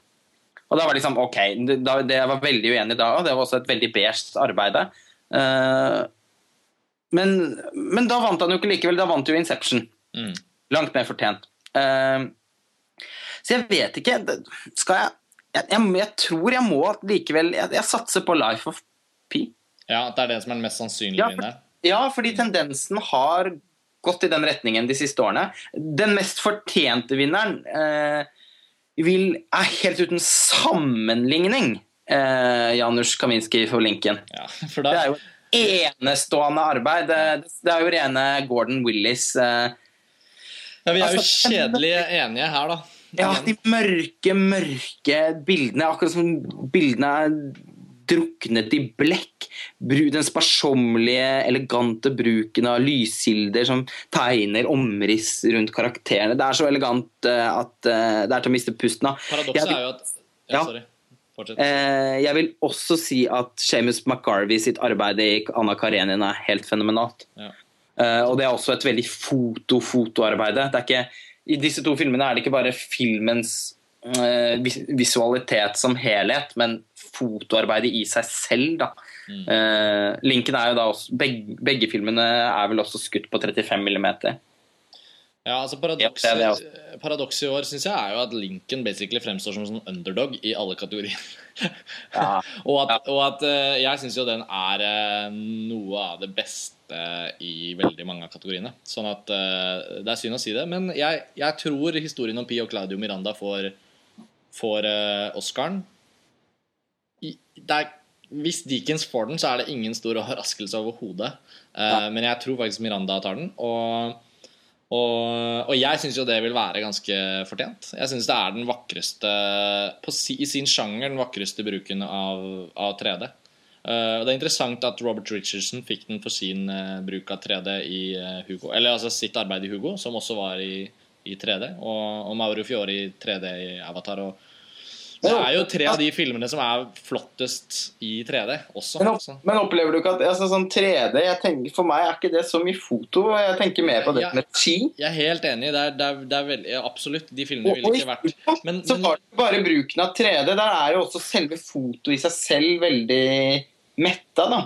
Ja da, men jeg, jeg syns likevel at, eh, at det er jo Jo, man kan snakke om det, men så kan man heller ikke separere regissøren fra så jævlig mange andre kategorier også, så da blir det jo liksom litt sånn hvordan skal man gjøre dette her? Eh, og, Ja. og, og Derfor syns jeg jeg vil bare si det at når jeg først sier at Miranda jeg tror han får den, og min favoritt er, min personlige favoritt er Janus Kaminskis arbeid eh, på Lincoln, så tenker jeg likevel at hvis Miranda får den, så føler jeg jo ikke liksom at det er en, en Oscar-pris som, som går til spille. da Nei da. nei Det er da. det jeg prøver å si. Og og er, måte det er en måte å anerkjenne filmens uh, visuelle kraft på, og den er ubestridelig. Ja. Så vi får se. Det blir en veldig spennende kategori. Eh, neste er beste produksjonsdesign. Der er det Anna Karenina, 'Hobbiten', 'En uventet reise', 'Les Miserable', 'Historien om Pi' og 'Lincoln' som er nominert. Jeg synes Det er en veldig vanskelig kategori å, å forutsi eller liksom tippe på i år. Eh, den havner nok selvfølgelig i den kategorien som jeg Kategorien av kategorier som jeg syns er litt kjedelig. da Produksjonsdesign, sminke, kostyme. Jeg bryr meg ikke så veldig. Eh, Produksjonsdesign er jo dødsviktig. ja, jeg sier jo det på litt sånn du skjønner, Nei, men du skjønner hva jeg mener. Jeg er bare sånn, I Oscar-sammenheng, ikke når man snakker om film og diskuterer hva film kan være og sånn, men akkurat når det kommer til Oscar, så opplever jeg liksom at um, Nervene er ikke like mye høyspent. Nei, men nok en gang, da. Hvor er Moonrise Kingdom? Ja, det er Skjønner jo Jeg, jeg syns det er noe med at liksom, hvor er Prometheus? Ja, når man, ser på de, når man ser på de nominerte, så blir det litt sånn puh. Si meg om han vil om Prometheus, men produksjonsdesign i den filmen er jo helt utrolig. Ja, og jeg syns til og med Beast of the Southern Wild faktisk eh, hadde fortjent en plass her. Så OK. Men det er de nominerte, sånn er de nominerte. Jeg tror eh, det kommer til å stå mellom Le Miserable og Anna Karenina. Og jeg har jo ikke sett uh, noe av Le Miserable. Jeg har sett litt av Anna Karenina, og jeg håper Anna Karenina vinner. For jeg tenker det er ganske kult. Jeg syns jo selvfølgelig også Lincoln er fantastisk også på dette området. Uh, så, så, så, så det blir litt sånn Jeg gjør det litt kort, da, fordi jeg har ikke lyst til å bruke opp tiden min på den kategorien. Nå begynner vi å komme til veldig spennende kategorier. Så jeg kjører for Anna Karenina. Ja. Fordi at altså, I tilfelle med Pi her, så er jo eh, er jo mesteparten av produksjonsdesignet Datavann. svøpt inn av eh, visuelle effekter. Ja. Så den kan ikke få begge de prisene. Og, og jeg syns heller ikke den hadde fortjent produksjonsdesign, egentlig, da. Nei. Eh, eh, Le Miserable må for guds skyld ikke få det, fordi det er jo den mest tragiske eh, utnyttelsen av mise en jeg har sett i en musikalfilm. Ja. Det er jo nesten helt ut... Han, Tom Hooper har jo valgt å skyte hele filmen opp i trynet på menneskene som synger, skrå- skråstrek, skriker. Ja. Eh, så, så det er jo nesten ikke noe produksjonsdesign der. Det er noe blaff her og der. Det hadde vært, jeg syns det er helt feil at den filmen er nominert. Ikke fordi at produksjonsdesign i seg selv, når vi en sjelden gang får lov til å hvile blikket litt på det, så ser det veldig bra ut. Men det er jo utnyttet på en veldig dårlig måte i filmen. Og den filmen kan dra til helvete uansett. Ja. Eh, så Hva blir din eh, Nei, uten tvil, Anna Karenina. Den har jo en eh, Altså, der er jo produksjonsdesignet en veldig aktiv del av fortellingen i filmen. Filmen foregår jo på en scene og bygger nye rom ut fra den scenen. Det er jo et helt et helt uh, ekstraordinært arbeid. Ja. Så jeg, jeg vil bli dypt sjokkert hvis den ikke vinner. ja. Nei, men da blir Anna Karenina en favoritt uh, der. Tror og hopper på den. Ja. Neste to kategoriene er manuskategoriene. Uh, ja Beste adapterte manus, første kategori. Eh, der er det Operasjon Argo, Beasts of the Southern Wild, Historien om Pi, Lincoln og Silver Linings Playbook. Jeg Jeg ville Der blir jeg ordentlig deprimert hvis ikke Tony Kushner vinner for Lincoln. For det er et, altså et helt fantastisk bra manus i en fantastisk bra film. Ehm, alt tilsier dessverre at det er en skarp, skarp konkurranse fra Operasjon Argo og Chris Terrio, som jeg bare I, Det er så medium eh, manus og medium film at eh, det bare er deprimerende når den kommer opp i de kategoriene her. Klipping, det forstår jeg, for der har klippingen liksom vært med å heve det som allerede er middelmådig. Men det manuset er liksom ja, kjedelig, spør du meg. Jeg er helt enig. Det var morsomt. Det hørtes ut som du skulle bestille en biff medium manus. Ja, medium, jeg tar den medium, jeg. Så, så her må liksom bare Tony Kushner vinne. Jeg har ikke så veldig mye mer å si om den kategorien. Han må vinne. Ja, det er eh, verden står for fall hvis han ikke vinner. Men han gjør nok ikke det. Eh, alt tyder på at Chris Terrio, som han heter, da, Ja. vinner prisen for Argo. Dessverre. Ja. Oscar på sitt verste. Ja. Tony Kushner er eh, eh, Altså, det er nesten ikke til å tro at, eh, at ikke han er storfavoritt. Fordi arbeidet hans med Lincoln er helt eh, Hvis, jeg, hvis, jeg det føles som klass, en, klassiker, liksom. Det manuset der. hvis det var en tippekonkurranse Playbook også syns jeg er veldig sterkt, da. Ja, jeg er enig. Men hvis det var en tippekonkurranse, så, så, øh, så er det kanskje smart å stemme på Chris Terrio, men, men jeg klarer ikke Jeg må stemme. Jeg må si at både Lincoln er den jeg tror vinner, og jeg håper at vinner. Det, Likevel. det, men det, det er interessant nå som vi kommer inn på Silver Linings Playbook. Da, for det virker at Lincoln og Silver Linings Playbook er liksom de to filmene som eh, gikk det, det, det var de som på en måte gikk ut sterkest Mm. eh, i konkurransen. Det var de to favorittene til å begynne med. Og så er det Argo og Life of P. Mm. Life of Pi, eh, som, som har liksom eh, eh, Som har havnet i tet da, i løpet av den siste måneden. og Det er veldig rart å se. Silver Linings Playbook også er jo et helt utrolig bra manus, og det er en veldig manusfilm òg. Jeg hadde ikke vært lei meg hvis den vant. nei, jeg er enig, men jeg, jeg, jeg tror nok den ikke Den er jo ikke en favoritt. Altså, mange har jo snakket om at manuset til historien om Pi er egentlig en større favoritt. det. Ja, Jeg syns det er veldig merkelig. Men der er det jo, jeg må jo si, for jeg har jo lest romanen 'Historien om Pi', og, og, og jeg hadde jo virkelig ikke trodd de skulle klare å løse det så, så bra etter forholdene da, som film. Men det er jo manuset og den strukturen som har hatt mest sånn Uh, Altså at folk føler det er en narrativ mekanikk der som tar filmen litt ned. Eh, Ja, det- mens det er på en måte Ang Lees arbeidet som er det som virkelig hever den. Så. Pluss at eh, jeg syns jo også en, en Oscar-vinner for beste manus skal jo også ha en viss eh, litterær kvalitet. Det er i hvert fall en poetisk kvalitet ved seg. Jeg synes kanskje ikke historien om Pi som tekst er det mest rørende. nei, jeg syns ikke det! Richard Parker! Nei, Det er ansiktet på den tigeren og dypet av de øynene. Det er der filmen ligger. Ja. Så det er jo ikke en manustreff. Jeg syns nesten det er corny at den til og med er nominert. Ja. Jeg skjønner at det er fordi at en, en bok som viste seg å være umulig og, Eller som, som egentlig var å filme. Ingen bøker er umulig å filme, det har man jo skjønt for lenge siden. Så eh, dem, Å demonstrere det gjennom å nominere den i den kategorien, syns jeg er eh, litt merkelig. Det neste manus... Eller vil du? Du hva tenker du? altså, nei, Min konklusjon var vel at jeg tror Argo vinner, dessverre. Ja. Og håper selvfølgelig på Tony Kushner for link. Heldigvis i manuskategoriene så har man jo originalmanus og adoptert manus. Og der er det jo liksom kategorier som får lov å eksistere litt sånn fritt fra, mm, fritt fra hva som er favoritt for eh, beste film. Um, originalmanus, der er det Flight, Zero Dark Thirty, Django Unchained, Amour og Moonrise Kingdom som er nominert. Og Mm. bare det å se Moonrise Kingdom nominert i en kategori er jo ekstra oppløftende, da. Syns jeg. Ja. Uh, her er vel storfavoritten Det er Zero Dark Thirty og Mark Bowl, sånn som jeg har skjønt det. Så det er kanskje den som vinner. Jeg, Jeg, eh, jeg, tror tror, jeg tror ikke det. Eh, Jeg har en, det er bare ren magefølelse. Men Mark Bowl vant jo også for The Hurt Locker, som, som jo til stadighet er Zero Dark 30 det har jo vist seg på en måte også gjennom Oscar-nominasjonen at den stiller ikke så sterkt som man skulle tro etter den første kritikermottagelsen. Så filmen er ikke lamslående populær. Og hans arbeid er veldig bra i filmen, men jeg syns ikke det er ekstraordinært. Og selv om den er en favoritt, så har jeg ikke helt troa på at han får den prisen igjen. Jeg tror faktisk at Quentin Tarantino kommer til å vinne for Django Unchained.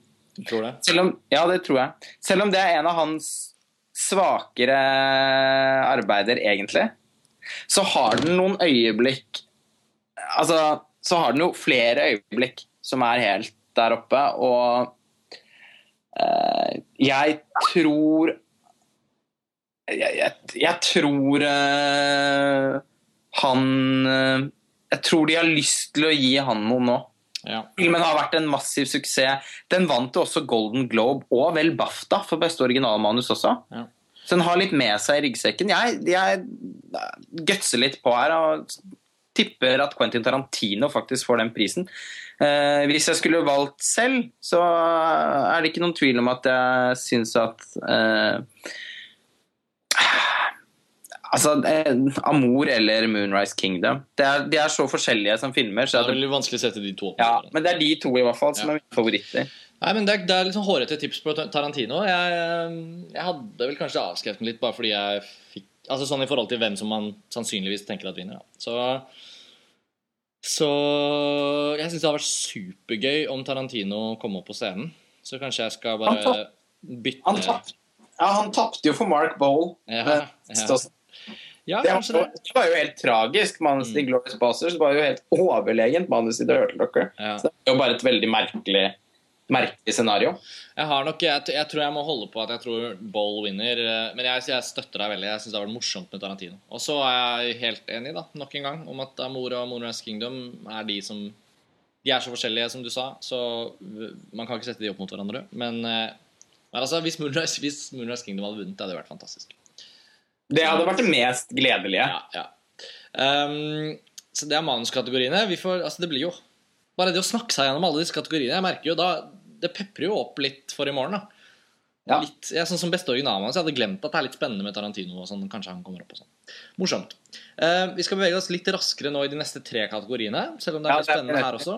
Vi har nå først beste animasjonsfilm. Og Der er de nominerte Frankenweenie, The Pirates, Band of Misfits, Wreck-It Ralph, eller Rive-Rolf, som den heter på norsk, Para Nordmann og Brave, eller Modig, som den heter på norsk. Dette er jo din ekspertise. Ja. Jeg har ikke sett noen av filmene, men jeg både håper Jeg håper at Frankenweenie vinner. Fordi det er gøy at Tim Burton får en pris. Og du har skrytt så mye av den filmen at jeg forstår at det ville vært en fortjent Oscar til Tim Burton. Basert på liksom eh, ryktebørsen så ser det jo nå litt ut som at Brave faktisk vinner. Um, Ja, det er. så jeg tror faktisk at mitt sannsynlighetstips går til Brave, og mitt håpetips går til Frankenweenie. Uh, du har kanskje litt mer å si om kategorien, men, uh, men vi er jo inne i en fase her nå vi kan bevege oss litt raskere. Og så har vi jo da skuespillerkategoriene. Og til lytterne som gir oss tilbakemeldinger på at uh, vi ikke trenger å bekymre oss om tid. I dette tilfellet er det av praktiske årsaker. For ja. Det er lørdag, og, og, og vi skal uh, Vi må få den ut, rett og slett. Den må publiseres. Vi må rett og få denne ut, så vi ja. må bli litt fort ferdig. Uh, ja, altså Frankenweenie er jo helt den, Nå har ikke jeg sett Pirates eller, eller Riverolf, men jeg har sett Paranorman, som jeg syns var helt OK. Og jeg har sett Brave, som jeg syns er en bra film. Jeg syns eh, Jeg likte den jeg, jeg, ble egentlig positivt overrasket over den filmen, for den fikk jo ganske lunken mottakelse. Eh, men Frankenweenie er jo helt overlegen. Av mangel på et, et bedre ord så, jeg, så syns jeg faktisk den filmen er et mesterverk. Eh, det er en av de beste Tim Burton har laget noensinne. Den er fantastisk morsom. Og den er eh, utrolig, liksom Utrolig energisk fortalt. Fantastisk også på sånn, ren sånn film Utrolig godt filmspråk. Nydelig foto som er på pastisj på, eh, på 50-talls eh, Liksom 40-50-talls noir-filmer. Eh, og det er utrolig bra klippet. Eh, den, den, historien tar mange forskjellige retninger hele tiden, som, som gjør den veldig uforutsigbar. Den klarer på ytterst subtilt vis å bake inn en del samfunnskritikk uten å på noen som helst måte bli moraliserende. Eh, Tim Burton er jo veldig god på å være på en måte moralsk gjennom amoral, på samme måte som Roald Dahl. Eh, som jo gjør også at film Jeg vil jo tro at for litt sånn oppegående barn vil jo Frankenweenie være bli en klassiker for, for mange som ser den. Ja, eh, men hva, hva blir tipset? Sett i år uansett uh, sjanger. Mm. Og en kjempekjærkomment uh, uh, comeback for Tim Burton. Da. Dette er jo den beste filmen han har laget på snart ti år. Mm. Så, og en av de beste han har laget noen gang, spør du meg. Jeg synes faktisk, På tross av at filmen har fått veldig god kritikermottakelse, så, så den opplever jeg faktisk at den er litt undervurdert. Da. Jeg syns den er enda bedre enn en, en det. Så det er jo ikke noe tvil om at jeg håper at den vinner. Dessverre er bussen på Brave Jeg har nesten vanskelig for å akseptere det. Så nå, nå gjør jeg det samme som, som, du gjorde på beste adapterte manus. Så bare sier jeg at jeg både tror og håper at Franken vinner. vinner. For alt annet vil være så forskrekkelig urettferdig. Ja. ja, det blir spennende. Neste kategori er beste dokumentarfilm. Der um der må jeg innrømme at jeg heller ikke har fått sett noen av de nominerte. da. Men jeg, jeg har inntrykk av at det er en veldig kul kategori i år. Uh, det er Five Broken Cameras, The Gatekeepers, How to Survive a Plague, The Invisible War og da Searching for Sugarman, som basically er en svensk uh, produksjon. Um, og den er jo storfavoritt. Den har vunnet nesten alle de viktige dokumentarprisene man kan snakke om. Det er klart Den har en konkurranse fra den israelske The Gatekeepers. Men uh, jeg bare gutser på at det blir 'Searching for Sugarman', og jeg gleder meg veldig til å se den. Samme her. Så da kan vi bevege oss videre. For den jeg tror ikke dokumentarfilm Den er stor favoritt, og jeg har dessverre ikke sett den. Jeg, at, jeg føler meg trygg på at det sikkert er, vil være veldig fortjent også hvis den vinner. Ja. Og så er det prisen for beste ikke-engelskspråklige film. Eh, der er jo Kon-Tiki nominert da, fra Norge. Og så er det Amor fra Østerrike, nå fra Chile og En kongelig affære fra Danmark. Og til slutt Warwich fra Canada. Her har vel du sett alle de nominerte, Lars Ole? Kanskje du har lyst til å begynne med ditt forhåndstips? ja, jeg har faktisk for en gangs skyld eh, Det er jo sjelden at man klarer å få sett alle de nominerte i den kategorien. For det er ofte litt sånn eklektisk. Eh, det er jo ikke nødvendigvis festivalfavorittene fra året som var, som blir nominert. Nei. Eh, men her har jeg sett alle filmene jeg synes dette er veldig vanskelig, fordi at uh, som vi har snakket om tidligere også, så er jo den beste fremmedspråklige filmkategorien den absolutt mest uforutsigbare. Den er lunefull. Den er lunefull. Uh, det har jo oftere hendt at uh, favoritten har måttet gått slukøret hjem enn det motsatte. Mm. Så det å være storfavoritt i denne kategorien, og det å være nominert til flere andre priser, trenger ikke å ha noe å si.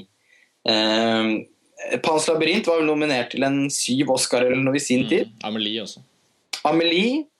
Eh, eh, Det hvite båndet var jo nominert til foto ved siden av, av prisen i 2009. Eller 2010 Oscar, da. Ja. Og, og måtte gå, gå tomhendt hjem til fordel for hemmeligheten i Mm. dine øyne. Så eh, ja, vet du hva? Jeg håper jo selvfølgelig at, eh, at 'Amor' vinner prisen, Fordi det er den beste filmen. fordi det er den beste filmen. Men den er jo nominert til eh, fire priser til.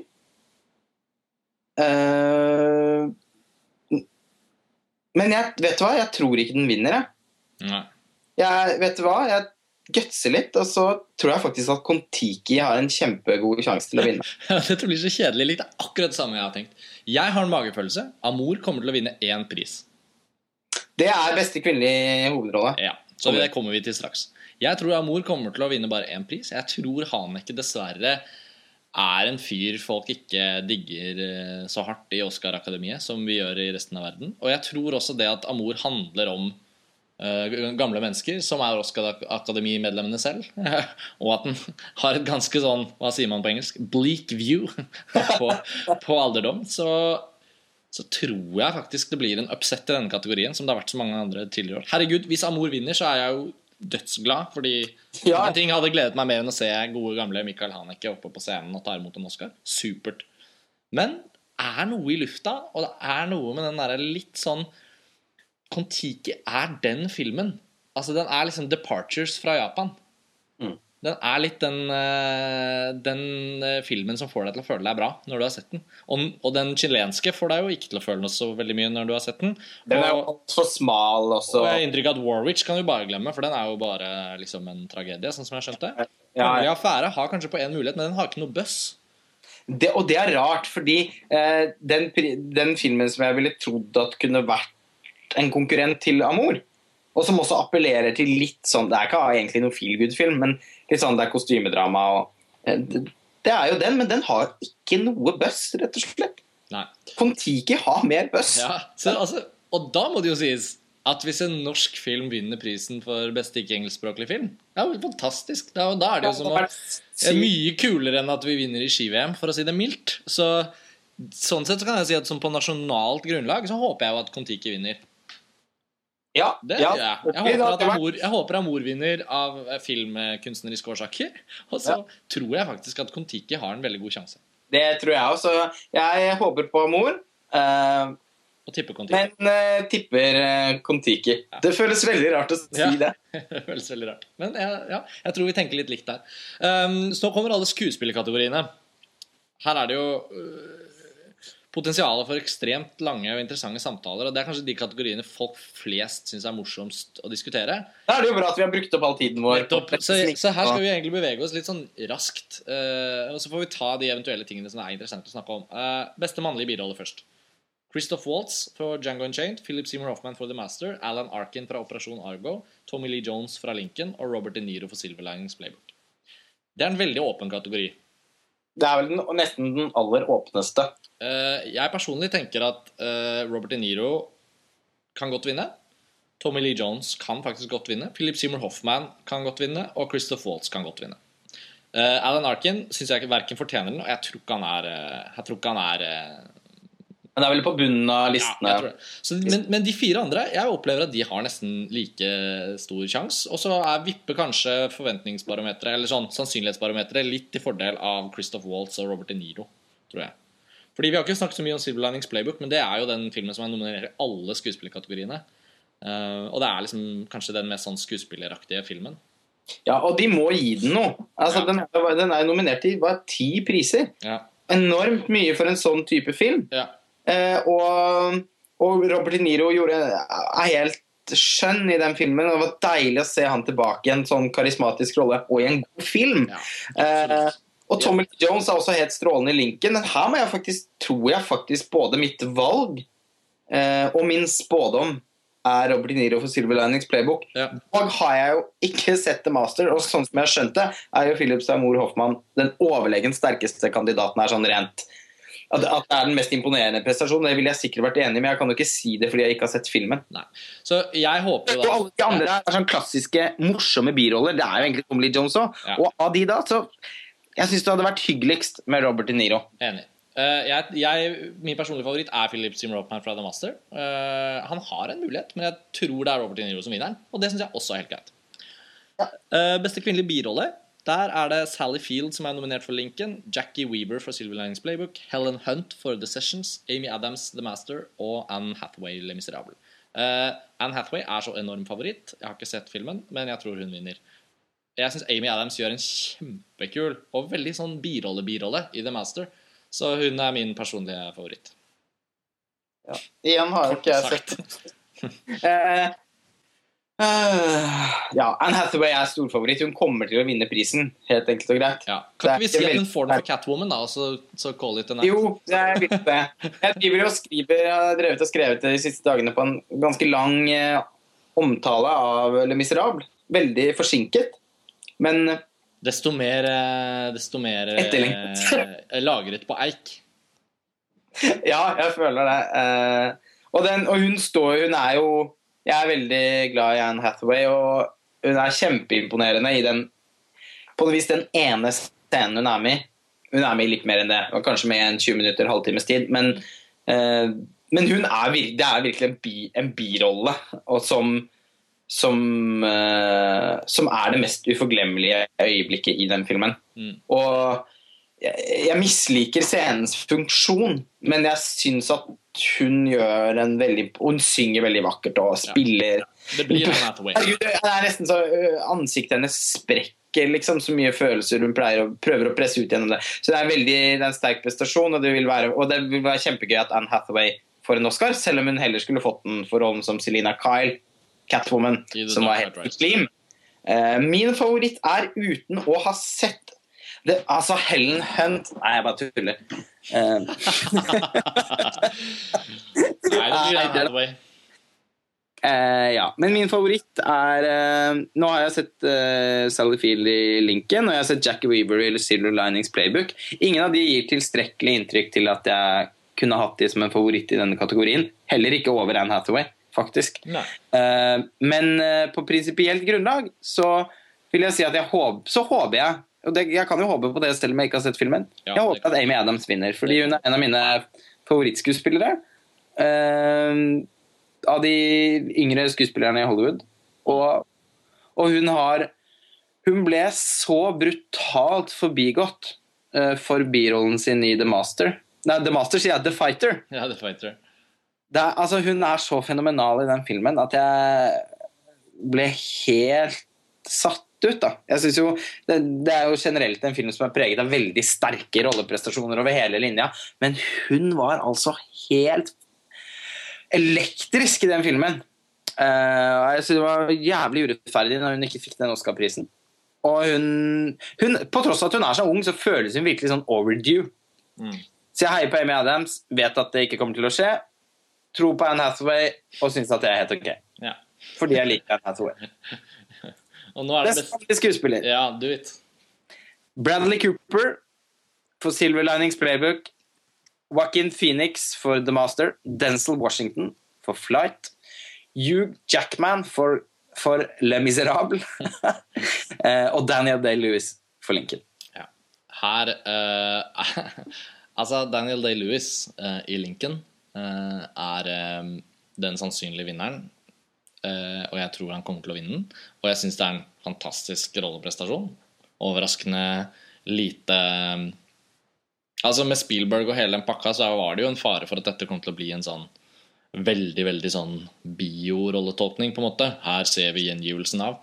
Men det er en sånn humanisme som kommer igjen, frem gjennom hele filmen, og særlig da i den rollen hans, som, som, som er med å gi så mye til hva filmen prøver å si om politikk og om eh, mennesker og om kompromisser og om Amerikas historie på alle mulige måter. Så jeg, jeg syns det blir veldig fortjent at han får den Oscaren. Og jeg syns også at Joaquin Phoenix i The Master er liksom Han er mer i avantgarde-kategorien her. Han er virk... Han Fordi rollen er skrevet på en sånn snodig måte. Og det han spiller, er liksom en type figur som veldig sjelden gis noe særlig plass i film.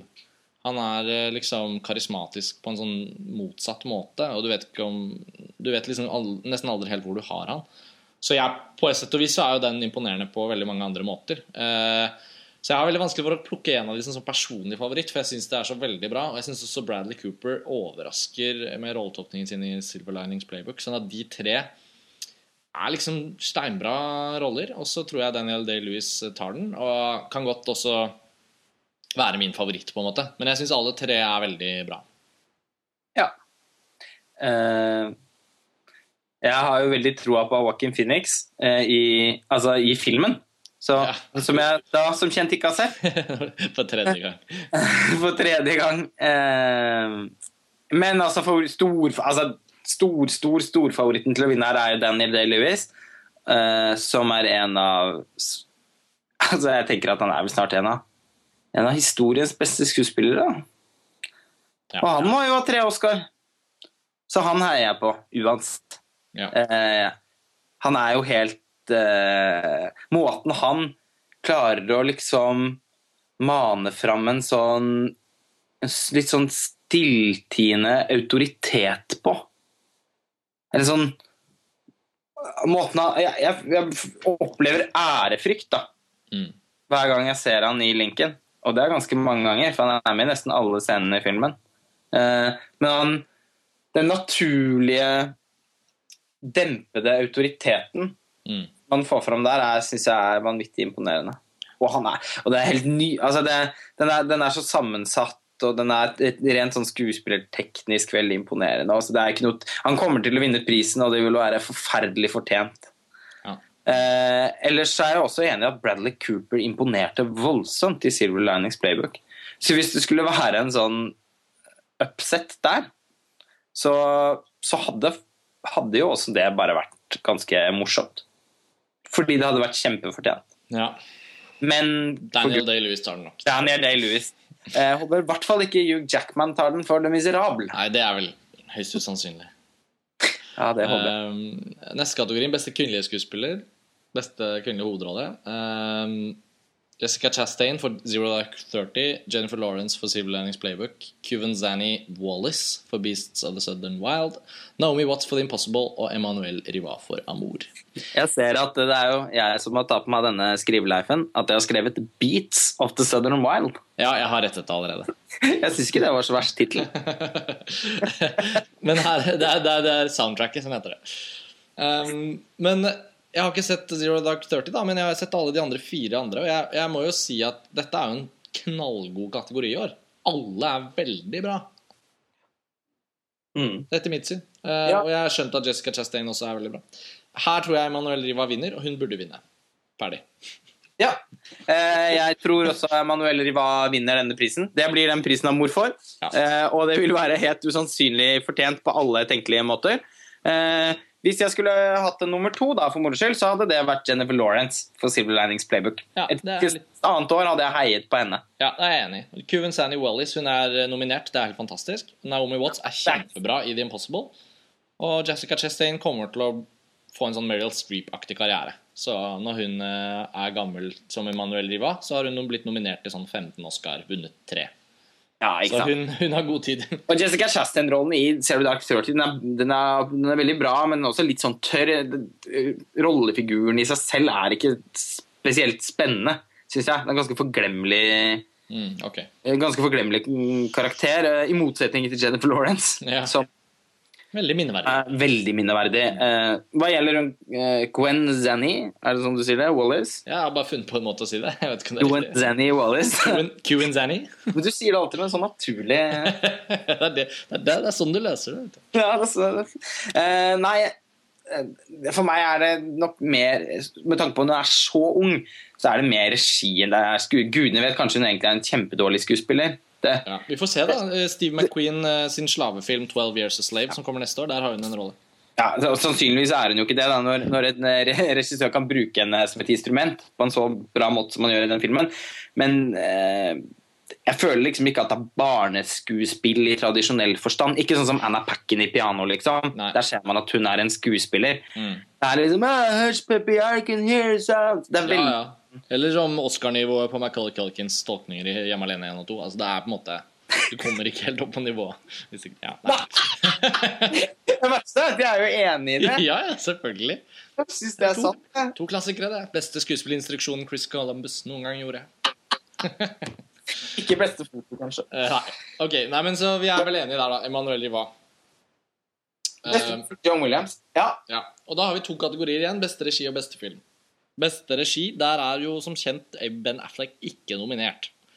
Og, det, ja, og de nominerte er jo da David O. Russell, Ang Lee, Steven Spielberg, Michael Haneke og Ben Zeitlin. Um, og her er det jo ikke sannsynlig at Ben Zeitlin uh, får noen pris. Han er også bare glad for å være nominert. David O. Russell blir vel også ikke helt en favoritt. uh, uh, dessverre. For det er en bra film. Og da står vi igjen med tre mesterregissører. da, Ang Lee, Steven Spielberg og Michael Haneke.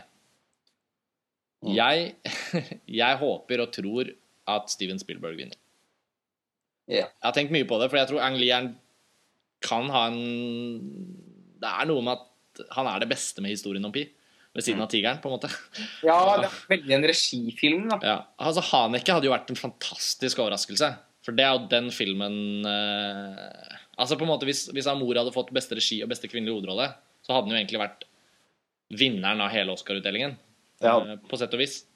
Men eh, jeg har en følelse at det blir Spielberg, faktisk. Ja, ja eh, jeg syns også Michael Haneke ville vært Det ville jo bare vært enhver cineasts drøm. å, se, å se det er nesten noe som bare hadde føltes ut som en drama. «Oh, Nei, dette kan ikke stemme. Er det Ja. mannen bak Funny Games står og tar imot Ja, ikke sant? Man får faktisk huske på hva slags filmer det er han har laget uh, tidligere. Jeg, tror- jeg tror ikke det skjer. Nei, jeg tror ikke det heller. Um, Beste regi Ulrich Seidel for Paradis-trilogien. for Paradis tro. Ja. oh. uh, Nei, men uh, hva, tror- hva tror du? Nei, nei eh, kappestriden står mellom Steven Spielberg og Ang Lee. Og noen vil jo hevde at Steven Spielberg sin film i større grad eh, er en, eh, en, en manusdrevet film. Mens, Ang eh, mens historien om Pi er en veldig liksom, regi, regifilm. Samtidig så kan man jo også si at Steven Spielbergs film er en ensemblefilm. Mm. Eh, og noe av det viktigste for en regissør er å instruere skuespillerne. Som han har gjort helt mest. Det er jo ikke én birolle i den filmen som ikke leverer. Nei. Eh, Men kategorien må jo også er Link- er også mer, Lincoln er jo faktisk en mer populær film enn historien om Pi. Ja, Og, den jo, og det er en billigere film, så den har også gjort det sånn proporsjonalt sett bedre. på Det er liksom den er en større suksesshistorie. Det er en større, Ja, rett og slett. Det en, for eh, historien om Pi kunne jo gjort det veldig mye bedre, faktisk. Det. Men den altså, så historien om Pi har gjort det langt bedre i resten av verden rent økonomisk da, enn Lincoln. Så Det tar litt ikke hensyn til. Nei, jeg tror ikke det. Men, men, men kategorien kan nesten ikke diskuteres uten å diskutere beste film også. For det jeg tror vi står overfor nå, er at når folk skal stemme, Og, da og, og når det er sagt, det er bare sånn eh, Ettersom han ikke, ikke kommer til å vinne prisen uansett, så heier jo jeg da også på Steven Spielberg. Ja. Og jeg tror Jeg må bare tro at han får den prisen. ja. Men, men fordi vi må tenke da at så sitter de og stemmer, og så kan de ikke stemme på Ben Affleck i prisen for beste regi. Og da tror jeg nok dessverre da at i beste filmkategorien så er det, så er det bare å erkjenne at det er antageligvis Operasjon Argo som vinner. Og da tenker jeg liksom at hvis Lincoln er den største, sterkeste motkandidaten i beste filmkategorien, så har jo folk her rett og slett muligheten til å stemme på to eh, filmer, da. Eh, og da tror jeg jo på en måte at det blir Operasjon Argo og Lincoln. Og da er det høyst sannsynlig da at eh, Spielberg tar eh, regiprisen. Og så blir det da kanskje desto mer sannsynlig at eh, Operasjon Argo tar beste film, da. Ja, den Jeg tror altså, det er en sannsynlig, liksom, et, et sannsynlig hendelsesforløp. Det virker jo som at ah, det, beste film er på en måte Dessverre. Det er bare avgjort. Ja, så er det den blitt den kjedeligste kategorien. Ja, og det, altså, det blir Argo, fordi den har vunnet alle bransjeprisene, og da er det rent sånn matematisk sett eh, nesten umulig at den ikke vinner Oscar-prisen. Ja. Ting kan skje, man, man vet ikke, men, men, eh, men dessverre så, så blir det nok Argo som vinner den prisen. Ja. Eh, men beste regi Altså, ja. Jeg, jeg tror på Spielberg. De må gi den filmen noe. Ja. Og, og Steven Spielberg er en av, han er en av, han er en av de største, store skikkelsene i filmhistorien, faktisk. Han er en levende legende. Uh, han har vunnet to priser for beste regissør tidligere. Mm. Det er veldig naturlig at han innlemmes i den eksklusive klassen med regissører som har vunnet tre Oscar. Det synes jeg er helt sånn Det er ikke sånn at han har allerede fått to. Jeg føler ikke det er sånn med Spielberg. Han er for stor for det. Ja. Han kan gjerne ha tre Oscar for beste regi. Det tenker jeg jeg føles helt naturlig. Ja. Så jeg tror Um, jeg er enig. Og, og i beste film så er det jo så morsomt. altså Amerikanerne så Ved valget sist nå så var det en sånn statistiker som heter Nate Silver, som driver en sånn politisk blogg hos New York Times, hvor han har en sånn sinnssykt gjennomført statistisk algoritme for å regne ut eh, hvordan det går i presidentvalget, f.eks. Og han har også forsøkt seg nå på Oscar-prisene. Eh, og han mener det er, eh, det er sannsynlig at Argo vinner for beste film, og at Steven Spielberg eh, vinner for beste regi. Og det er sånn statistisk utregning. Ja, ok. Så Det er bra. ja. Og han tenker, at, uh, han tenker at Jennifer Lawrence vinner for beste kvinnelige skuespiller. da Så det er et par avvik der fra hva vi har snakket om. Men uh, det er jo alltid gøy når det liksom Det er følelser, og det er antakelser, og det er rykter og sånn, og så kommer det en som, som bare regner tall. Og Ja. bare spår med statistisk sannsynlighet. Og- det er Og, det, men, og pris, skuespillerprisene er også gjerne priser hvor de kan tillate seg å gjøre noen egne grep. Uten at grep, Man kan jo ikke snakke om det, for det er jo ikke mennesker som blir enige om noe. Det er jo helt vilkårlig hva folk stemmer på. Men eh, et klassisk eksempel fra de siste årene er jo da Julie Christie var jo storfavoritt i alle månedene fram mot Oscar til å vinne prisen for beste skuespill, kvinnelige skuespiller for 'Away From Her'. Mm. Men Marianne Cotillard vant den jo for Le Via Rose, selv om det var en fransk film. Fordi at den prestasjonen eh, eh, jevnt over var langt mer, langt mer imponerende. Den var, liksom, den var for imponerende til at de kunne overse det. Og jeg tror det blir det samme tilfellet med Emmanuel Riva. Og hun har jo hatt mye buzz òg. ja. Jeg, jeg føler liksom at buzzen peker på at hun, hun vinner, så jeg blir veldig skuffa, egentlig, hvis, hvis hun mister den prisen. ja. Men da har vi faktisk kommet oss gjennom alle kategoriene, da. Det har vi. Da er det bare å følge Oscar-utdelingen i morgen og se hvordan det går. Um, jeg håper diskusjonen vår har vært eh, for de som rekker å lytte til dette før, før prisutdelingen. Så, så kan det ha vært en fin oppvarming. Jeg kjente det var en fin oppvarming for meg, i hvert fall, personlig. Det, det var det. Nå eh, tenker jeg at nå er man i modus. Nå, Nå kan Oscarene komme, nå kan Oscarene bare komme. og, og så kan vi begrave dem. Og så kan vi glede oss til Cannes. Ja, Ok, Lars Ole. Vi ses jo på Oscar-natt på Gimle i morgen. det gjør vi. Takk til alle dere som har hørt på. Som vanlig, vi er tilbake med en ny Filmfrelst av mer vanlig eh, filmfrelst slag neste uke. Da er det en del kinoaktuelle filmer som skal diskuteres. Sikkert også filmer som er med i Oscar-diskusjonen. Bra. Da takker vi bare for denne gang, og så høres vi. Ha det. Ha det bra.